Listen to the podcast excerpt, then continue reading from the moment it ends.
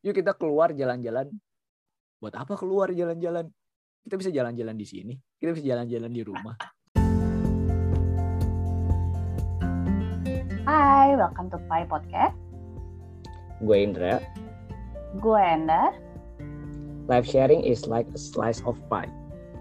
Sedikit namun berkesan dan bermakna.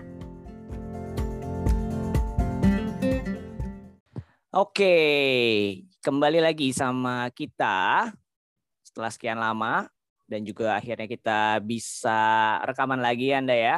Yes. Akhirnya ini slice ke berapa ya Ndra ya? Kok gue lupa ya? Aduh, belasan deh dah, gue juga lupa lah dah. Belasan ya. Terakhir kan kita bahas Sandwich. apa ya? Sandwich generation. Nah, sekarang kita mau bahas satu topik lagi yang sedang hype nih saat ini tentang Apa tentang dunia maya yang semakin semakin semakin semakin membesar dan juga semakin semakin wow gitu. Iya, Tapi iya, iya. fenomena yang kayak begini gue juga nggak tahu sih maksudnya ini tuh suatu hal yang memang akan terjadi dan semakin semakin akan kita rasakan gitu atau memang Hmm. cuman kayak em, hype yang sementara habis itu nanti tenggelam lagi muncul lagi tenggelam lagi oke mungkin para penikmat bingung kita mau ngomongin apa nih Nda?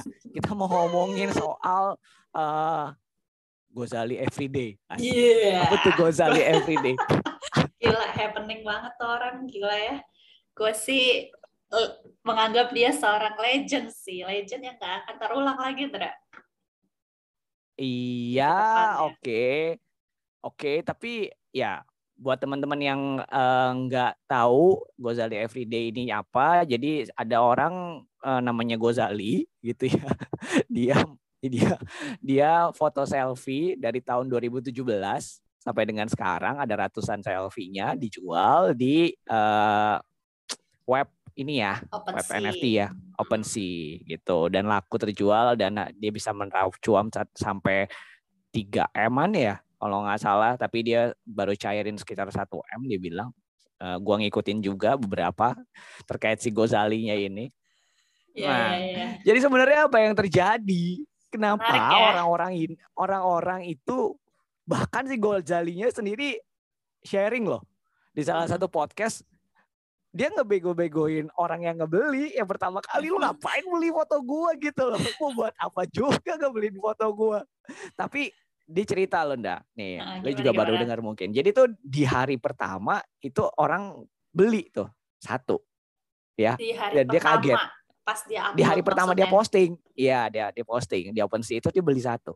Di hari ketiga semua yang diposting habis laku terjual ndak ada ratusan foto Oh, itu. Oh, oke. Dan itu eh, muka dia semua ya isinya ya? iya. Gozali everyday buat orang-orang yang nggak paham seni mungkin agak agak bingung juga ya. Apa sih gitu membelinya buat apa gitu kan?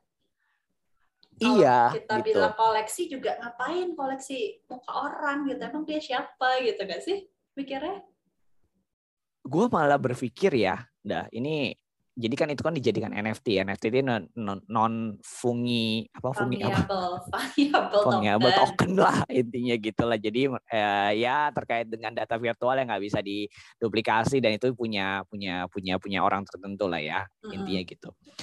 Nah atau yang malah gue berpikiran ya ini bukan suatu hal yang main-main either cuman satu orang yang beli gue juga nggak gue harus cari tahu sih sebenarnya itu cuman beberapa orang yang beli fotonya dia sekian banyak gitu ya kayak ngeborong Mm-mm. atau memang banyak orang kalau misalnya satu orang bisa jadi dia ngefans ya sama si Gozali ini Gimana ceritanya sih lo bisa? gue sih, gue sih nggak. ya gue nggak tahu siapa tahu dia dia ngefans banget ngeliat mukanya dia nggak bisa nggak ngelihat mukanya eh, dalam beberapa hari gitu jadi dia butuh butuh pajang gitu ya gue nggak tahu intinya itu satu skenario di kepala gue atau skenario yang kedua adalah either dia cuma satu orang yang ngeborong atau mis- misalnya banyak orang yang membeli ada sesuatu hal yang kita nggak tahu kenapa itu dibeli gitu loh Orang yang Hmm. ngejual aja sih Gozalinya aja kagak tahu kenapa lu Nah, foto-foto itu gue tuh kan, buat aneh buat kan? apa gitu. gue jadi mikir sih maksudnya kenapa apa-apa ini karena tapi kan yang beli kan juga orang luar Endra ya nggak orang Indonesia Iya. loh itu Iya, yang jadi betul, pertanyaan gue loh orang luar loh yang beli loh Nah, ada sesuatu hal yang diketahui orang luar yang bisa jadi kita nggak tahu, makanya mereka borong. Ya nggak sih? Gue kepikiran itu sih. Gue kepikiran itu. gue no idea beneran gue no idea dunia Gua NFT kepikiran. metaverse aja baru ya buat gue ya maksudnya gue nggak gitu paham gitu karena gue juga nggak nyemplung kan cuman gue kan mengikuti lah ya berita-beritanya dan sebagainya itu aja masih nggak masuk di kepala gue sih. Indra Iya, iya. Kalau misalnya ngomongin limited ya, kayak misalnya eh, brand-brand tertentu kan kita udah sempet ba- bahas ya, kita sempet baca kalau misalnya kayak misalnya brand tertentu eh, nge ngeluarin produk limited. Nah, produk limited itu dijadiin kayak appearance atau skin dalam satu avatar. Nah, itu Mm-mm. dijual dalam bentuk NFT. Menurut gue itu masih make sense ya. ya karena Kayak kita main. Mobile Legend aja. Mm-mm, kayak kita main Mobile Legend atau main uh, game-game online lainnya tuh ada uh, produk yang limited yang cuman bisa dibeli uh, beberapa waktu dan limited edition dan itu harganya jadi mahal ya masuk akal. Nama satu lagi gue sempat dapet jadi kayak misalnya kita gamers ya kita main ya Mm-mm. Kita main gitu ya kita main satu satu game tertentu. Nah di game tertentu itu bisa di screenshot dah Jadi Oke. foto.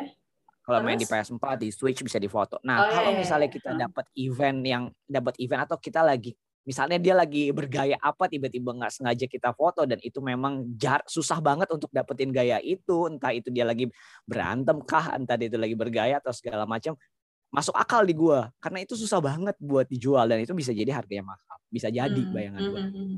Tapi kalau misalnya foto selfie gitu, itu kayak foto selfie gua juga bisa gue jual gitu. Foto selfie lo juga bisa lo jual. Tapi apa yang menarik? Iya, value-nya apa gitu kan ya. Kalau brand kayak Nike, Adidas ada lah ya. Kita udah kenal gitu brandnya sejak lama. Kalau game tadi lo bilang juga ya ada ada komunitasnya sendiri gitu lah. Ini orang-orang out of nowhere siapa nggak tahu gitu kan. Apa mungkin karena di konsistensi dia selfie dari 2017 kali Indra. Tapi gue tetap nggak paham sih. Di titik ini gue merasa takut sih, Indah. Jujur aja ya.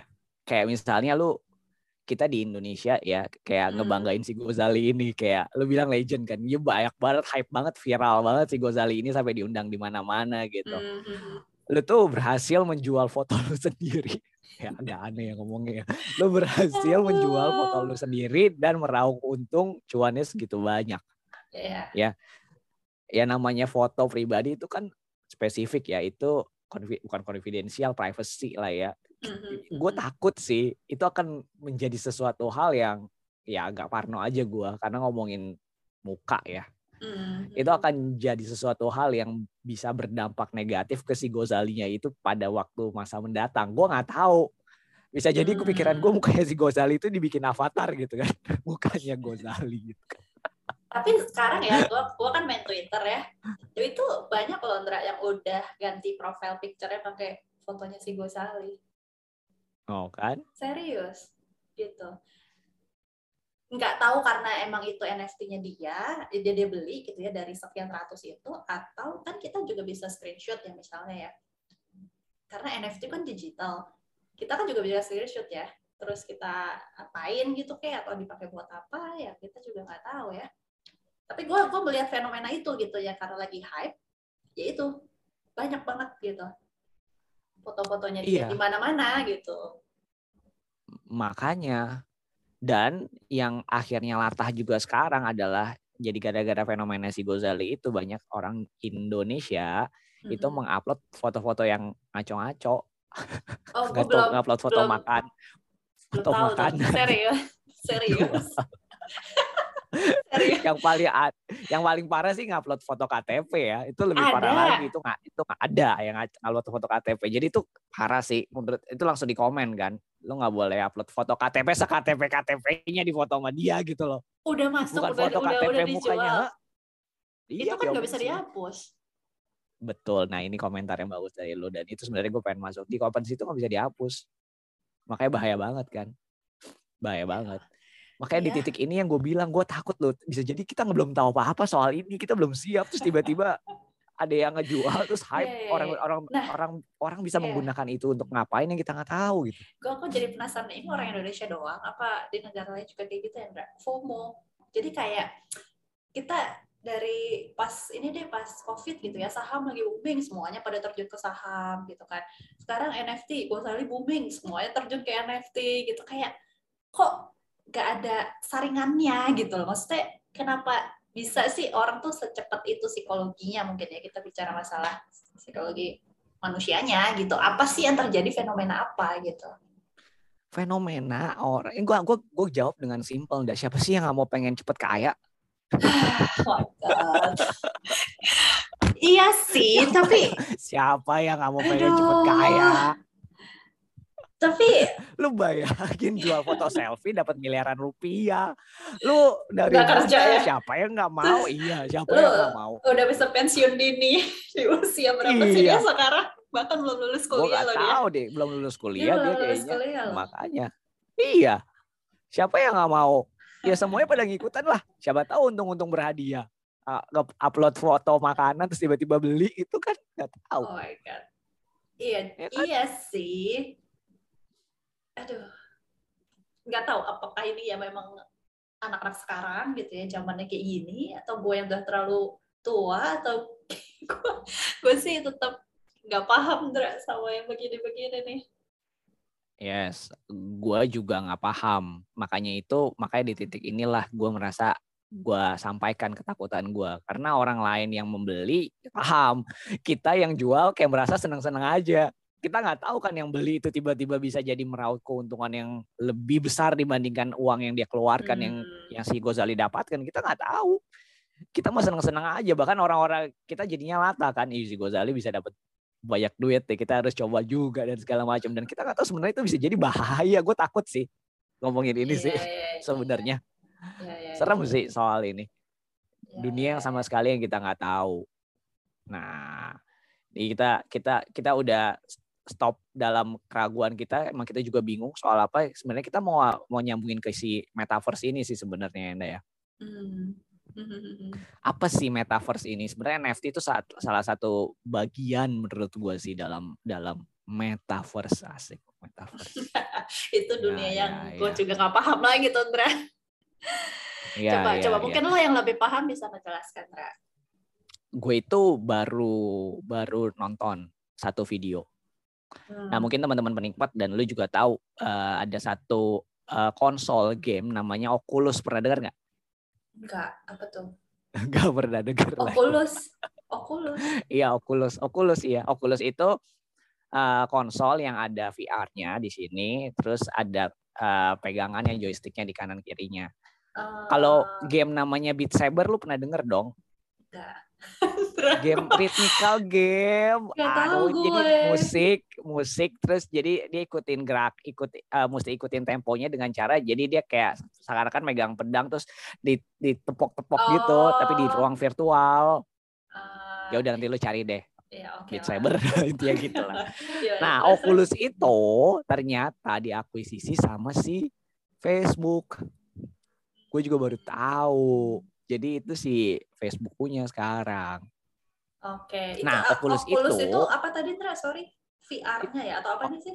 Oculus itu sebenarnya awalnya adalah konsol game dah. Game. Konsol game kayak PS4, Oh, oke. kayak Switch itu konsol Oh, game, oke, oke, Pra- oke. device-nya, device-nya Mm, mm, mm, mm. Gitu. Nah, sekarang karena sudah diakuisisi si Facebook, jadi nanti dengan menggunakan Oculus itu kita bisa virtual meeting. Virtual meetingnya benar-benar ngerasa bahwa kita berada di dalam ruang virtual itu. Karena kita kan pakai VR ya. Gitu. Terus sekarang eh, di kalau misalnya lu apa namanya kalau kita para gamers kita tahu lah soal di PS4 itu ada PS PS Store, ada ada ada PS Store gitu ya, bisa jual bisa beli game di situ terus bisa beli apa pun di situ ya. Nah, di Oculus itu nanti akan ada penjualan tiket konser online. Di Oculus itu Jadi, Yes. Jadi nonton nanti konsernya virtual.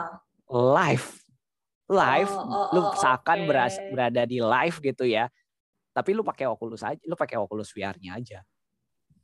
Eh, Hype-nya mungkin akan akan dapet terkait dengan suara, tapi terkait dengan physical touch, reality Feel touch-nya ya. masih belum. Iya, feel-nya belum. Tapi kalau lu dengerin suara, dengerin ngeliat visualnya itu pasti akan sama karena lu kan eh, berada di dalam seakan-akan lu berada di dalam konser mm, itu gitu. mm. Nah, kemudian nanti juga akan ya eh, tadi yang yang gue baca sih, yang gue gue denger sih ya itu soal eh, meeting virtual juga bisa terjadi gitu ya, meeting virtual bisa terjadi, terus lu bisa eh, apa kayak ya mainan-mainan bikin kayak lu bayangin lu bikin kayak The Sims lah ya, The Sims itu kan kita kan main kita bangun-bangun sendiri kan, nah tapi Mm-mm. nanti lu The Sims-nya itu lu di dalam, lu berada di dalam rumah itu. Gue gitu. yang bangun sendiri gitu. Ah, Gila, gitu gitu gitu keren gitu kan, juga. asik kan? kayak lo berada di situ gitu. Jadi ke depannya bakal kayak gitu dan ngomongin metaverse itu metaverse kan universe meta ya. Jadi itu bakal ada universe di mana kita akan hidup di dalamnya virtual Mm. dengan avatar kita yang nggak mungkin nggak mungkin dong lu lu menampilkan diri lo apa adanya pastinya lu pasti akan menampilkan diri lu yang terbaik atau pengen harapan terkait dengan diri lu kan dengan menggunakan avatar-avatar tertentu- tertentu yang lu suka. Mm-mm. dan nanti yang brand-brand eh, yang fenomena yang gue pengen sharing juga yang gue sempat cerita ke lu nah yang itu di kok gue jadi lupa ya nama gamenya apa ya? Gue lupa ya? Gue yang gue bilang sama lu dari sebelumnya lupa gue Ro, bukan Roblox ada satu lagi Sandbox. Yes di, Sandbox itu si Snoop Dogg itu beli tanah intinya di situ lah ya. Nah kemudian habis itu setelah beli tanah di situ tanah-tanah yang lain itu jadinya akhirnya jadi mahal Mm. dan jadi banyak pasang ini baliho baliho virtual dari brand-brand tertentu. Terus nanti mereka di mereka akan ngejual brand-brand tertentu itu kan ngejual item yang bisa jadi yang sama persis sama kita dan itu dijual beneran dan mahal. Kalau yang limited. Mm. Kayak begitu-gitu ndah terkait dengan metaverse. Iya, iya, iya, iya. Tapi dengan adanya metaverse orang jadi punya kayak pelarian dunia pelarian gitu nggak sih Indra? Gue mikirnya kayak lo tadi bilang kan avatar lo bisa bukan lo gitu di situ, bukan muka lo Iya. maksudnya, sorry. Itu kan? Betul, Dan lo bisa menjadi Dan- orang yang berbeda sekali dengan realita. pasti. Pasti banget. Pasti banget. Lo nggak usah ngomongin metaverse lah. Ngomongin game aja sekarang orang-orang yang yang yang yang jago di game belum tentu bisa bisa bisa diterima di lingkungan kenyataannya. Ketika game itu menjadi suatu Hmm. hal yang memang dia banggakan, ya dia kan masuk ke game apalagi kalau kita ngomongin metaverse. Dia bisa menjadi ap- apa pun siapa pun yang dia mau gitu loh. Kondisinya memang seperti itu makanya jadi Kayak Agak. apa ya? Gimana ya manusia-manusia ini ya? ya kalau gua ngelihat ya ya trennya ya trennya sekarang kita ngomongin pandemi ini mempercepat mempercepat datangnya ini sih Oh ya? kayak misalkan Kenapa lo mikir gitu? Ya. karena gini gua nggak ngomongin soal metaverse gua ngomongin soal kehidupan real sekarang aja deh Mm-mm. gua rekaman sama lu gua nggak perlu ketemu sama lu dah nih sekarang di rumah masing-masing. Kita ngerekam di rumah masing-masing. Gua kerja bisa di rumah sekarang. Lu kerja bisa di rumah sekarang.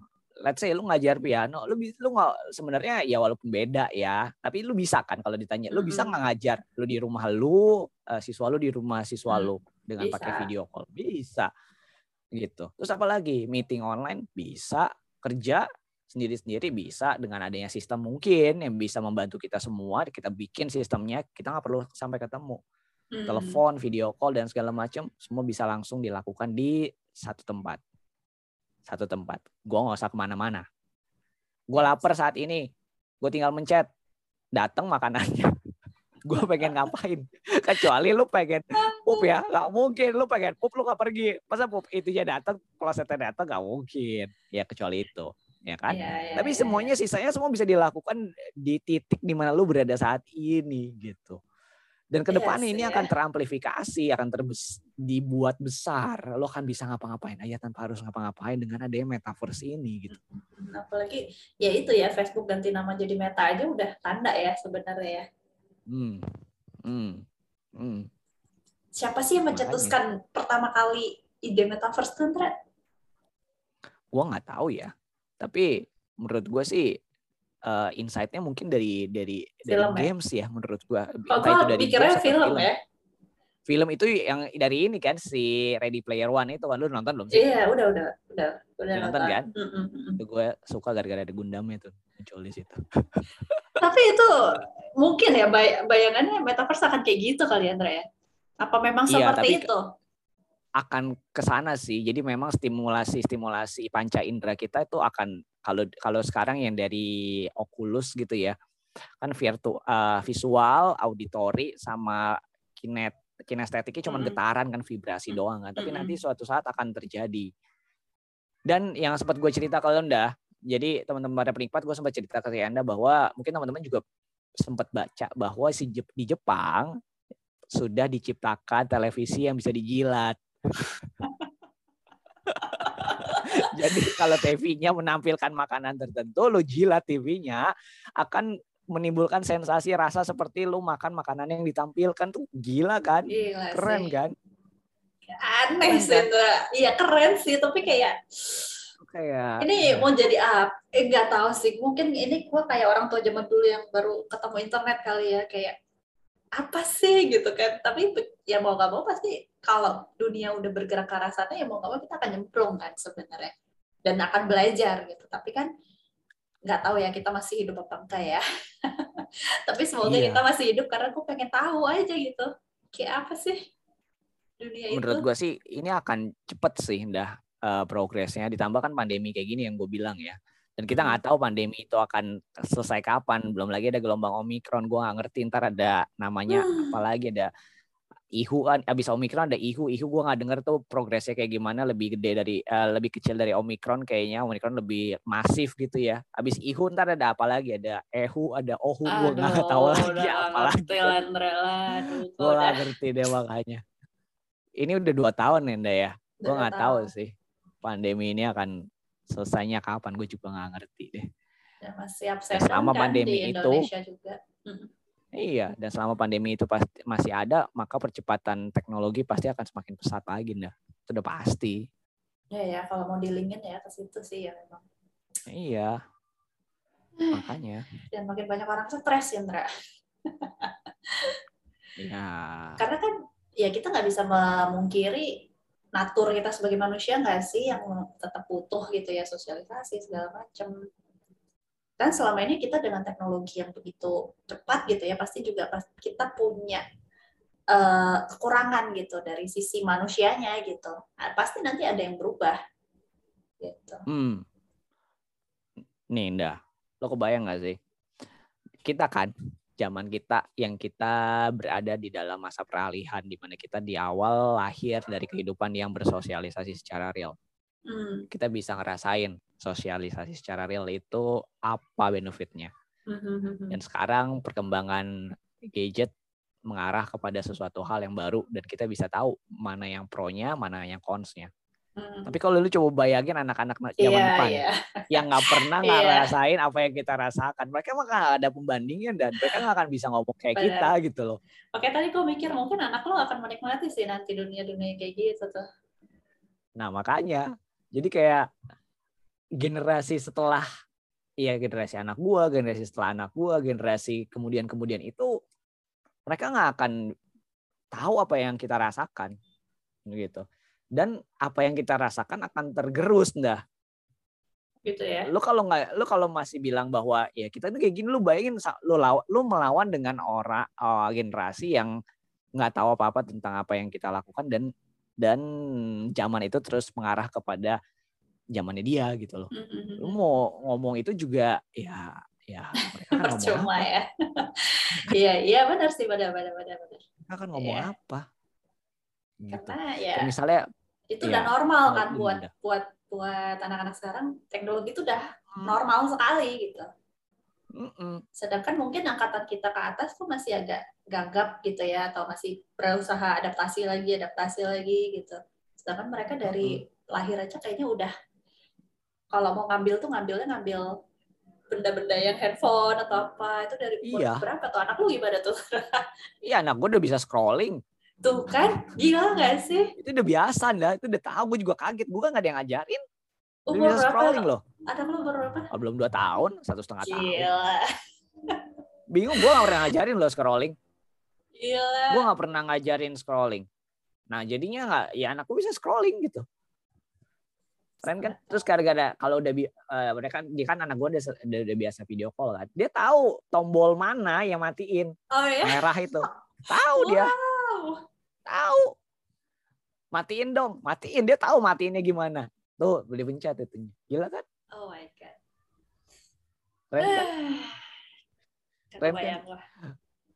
Gue tuh kayak mungkin gak sih muncul pertanyaan nanti kita kan ini kan rekaman kita kan bakal jadi eh, apa namanya rekaman yang akan selamanya kalau masih ada di ini ya di Mhm. Spotify dan Anchor Iya. ya. Kita bisa dengerin nanti kalau udah kita udah udah tuir udah beranak cucu itu bisa dengerin pas zaman zamannya kita kayak gimana. Tapi gue mikir mungkin nggak ya nanti ada pembicaraan seperti ini. Yuk kita keluar jalan-jalan. Buat apa keluar jalan-jalan? Kita bisa jalan-jalan di sini. Kita bisa jalan-jalan di rumah. Kayak, Biar mungkin nggak jalan-jalan sih di bakal ada pembicaraan di kita kan buat apa sih lu keluar rumah? Lu bisa lakuin itu di sini gitu loh. Ya udah, lu pakai aja VR lu masing-masing. Kita jalan bareng. Iya iya iya. iya, Orangnya di iya. sebelah anak misalnya anak gua di sebelah gua, gua di sini, kita pakai VR bareng. Terus kita mau ke mana tiga pencet, ya udah kita berada di tempat yang kita mau gitu. Iya iya iya. iya. Mungkin gak sih bakal kayak gitu? Mungkin Sindra, kalau gue kebayangnya juga kayak lu bisa bisa ke mana aja kan sebenarnya dunia VR itu kan lu Iya. bisa ke mana aja lu mau ke Jepang lu mau ke Swiss lu mau ke mana ya bisa gitu Terus kayak bilang, udah, ket- udah kita ketemuannya udah, ya udah, lo mau ke mana? Ya udah pilih aja, ya udah kita pasang VR kita masing-masing sekarang. Gitu. Terus kita udah berada di, di tempat yang kita mau kan, keren keren keren ngobrol-ngobrol, have fun bareng gitu kan. So buat apa kita ketemuan? Ayo, ya kan? Ah. Terus kayak orang beli baju nyata juga kayak buat apa kalau kayak gitu? Kayak Lu lu mandi buat apa juga kayak gak mandi. lu masuk ke dunia VR emang lu nyium bau badan lu sendiri kagak juga kan? gue gue Ya, pengen gitu. tahu sih ke depannya kayak apa kalau lu bilang dalam waktu dekat ya mungkin 10 tahun lagi lah ya gitu 10 tahun lagi pasti akan masif sih, Indah. Akan masif banget sih. Tapi mungkin kalau di Indonesia gue mikirnya lebih telat sih Gak tahu ya ah, gue ngelihat gini sih, Indah. Indonesia itu adalah market yang sangat sangat sangat menggiurkan buat para kapitalis. karena mudah dibodohi gitu atau karena konsumtif Karena- gitu karena orangnya duitnya banyak orang Hmm. orang orang orang berduit di Indonesia itu banyak banget gitu ya terus Hmm. orangnya latah Yes. terus kalau misalnya ada sesuatu hal yang baru tuh bisa langsung diserap langsung diserap tanpa dia nggak ta- tahu apa itu apa gitu. Tanpa diproses ya. Heeh, jadi tuh menurut gua tuh Indonesia tuh market yang paling paling paling paling enak buat disantap sih buat para kapitalis bayangan gue ini gue bluffing aja sih.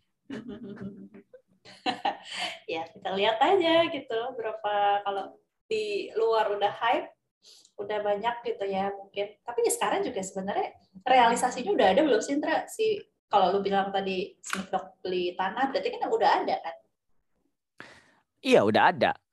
Nih, eh, gue gue nggak tahu terkait dengan orang Indonesia di metaverse sendiri, tapi kalau NFT udah banyak.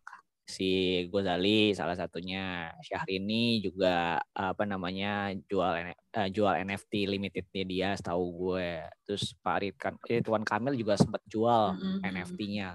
Terus siapa lagi ya gue pernah dengar. Kalau NFT sih sebenarnya sih udah banyak sih sebenarnya yang dijual, Iya, tapi terkait it- dengan nah metaverse iya, metaverse sih nggak ya. tahu. Gua. gitu. Main game doang sih paling Hmm. main game doang sih main game doang. Tapi gua nggak ngerti sampai ada orang yang beneran nge-invest itu untuk beneran virtual dengan harga yang semahal itu belum denger sih gua. Belum denger sih. Kalau orang luar sih udah banyak ya. Iya orang luar. Tapi kan brand-brand juga udah masuk semua ke sini Indra.